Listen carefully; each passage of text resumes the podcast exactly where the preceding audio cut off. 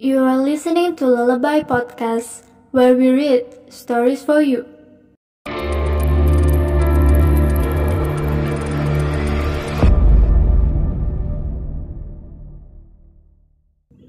This is the Lullaby Podcast, and I'm your host, Feifei. Welcome to our first episode. Today's story is Bakso, the most delicious food, written by Alfia Zahra Husnia. Also, in today's episode, I will present the story to all of you in two languages. If you like what you listen to, don't forget to subscribe to be notified of our future episodes. Let's get started and please enjoy. Once upon a time, in a world full of food, lived a beautiful food named Bakso, who had big dreams to be the most delicious food in the world. I have decided to beat all the food in the world so I can be the most delicious one. Said Bakso. Pada suatu hari, di dunia penuh makanan, tinggal makanan enak bernama bakso yang memiliki mimpi besar untuk menjadi makanan terenak sedunia. Aku sudah memutuskan, aku akan mengalahkan semua makanan di dunia ini agar aku bisa menjadi yang terenak. Ucap Bakso. Later, Bakso, accompanied by her mother, decided to buy everything she needs to be perfect. But when the day before the competition came, she suddenly felt afraid. Afraid. What if I can't win the competition? Bakso asked herself, wondering what if her efforts will be wasted.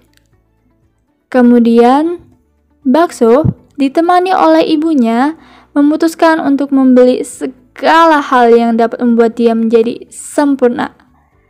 Tapi ketika sehari sebelum kompetisi tiba, dia tiba-tiba merasa takut. Ah. Bagaimana bila aku tidak bisa memenangkan kompetisi ini? Tanyanya pada dirinya sendiri.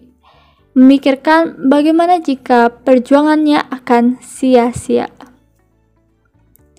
The day of the competition finally came. With high spirit and a great feeling, Bakso tried her best. But unfortunately, she lost. She cannot be the most delicious food in the world. She was so sad. But on the way home, she saw a lot of food gathering outside her house. She's wondering what they were doing out there. Hari kompetisi pun tiba. Dengan semangat penuh dan perasaan senang, Bakso berjuang sebaik yang ia bisa. Tapi sayangnya, dia kalah. Dia tidak bisa menjadi makanan terenak sedunia. Dia sangat sedih. Tapi, saat perjalanan pulang, dia melihat banyak makanan berkumpul di luar rumahnya. Dia bertanya-tanya, apa yang sedang mereka lakukan di sana? Turns out, they were waiting for Bakso to come home.